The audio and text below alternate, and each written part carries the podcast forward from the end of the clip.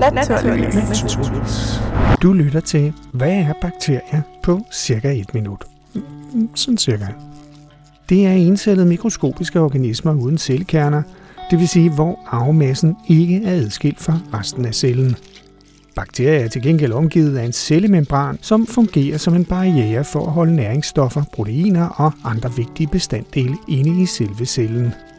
Bakterier kan have meget forskellige udseende.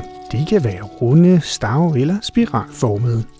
Ligesom de får deres energi fra vidt forskellige kilder, for eksempel ved nedbrydning af dødt organisk materiale i skovbunden eller ved fotosyntese. Bakterier stammer oprindeligt fra en encellet mikroorganisme, som var de første livsformer på jorden for ca. 4 milliarder år siden. Men her i nutiden er de allestedsneværende i jordens økosystemer, lige fra varme kilder, radioaktiv affald, i havet og i alle flercellede organismer, hvor de blandt andet udfører vigtige processer i kroppens stofskifte. Faktisk er antallet af bakterier ufattelig stort. For eksempel findes der i gennemsnit flere bakterier i bare 1 gram lort, end der er mennesker på hele jorden. Bakterier blev første gang observeret i 1776 af Anton van Leeuwenhoek, udtales det vist. Han kaldte dem animalcules, som kommer fra latin og betyder små dyr, mens bakterie kommer fra græsk bakterion, som betyder lille stav.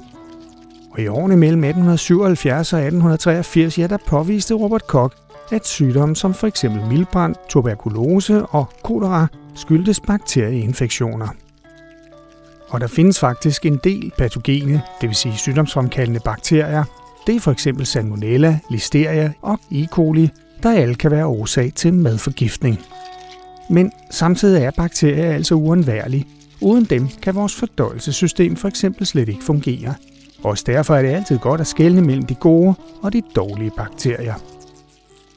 Men selvom man i slutningen af 1800-tallet altså vidste, at visse bakterier er skyld i en række sygdomme, ja, så kendte man ikke til nogen effektiv behandling.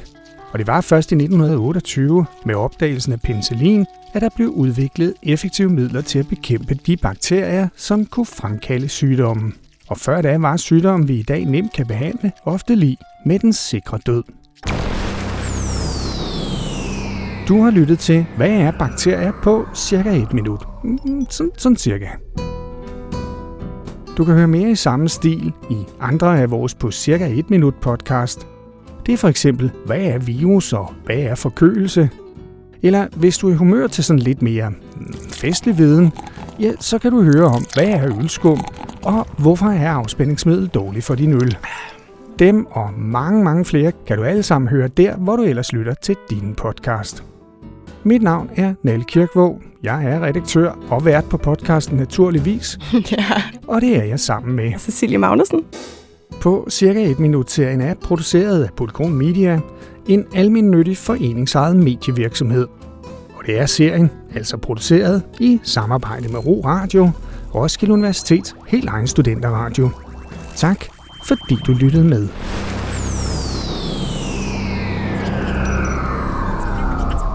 Naturligvis. Naturligvis.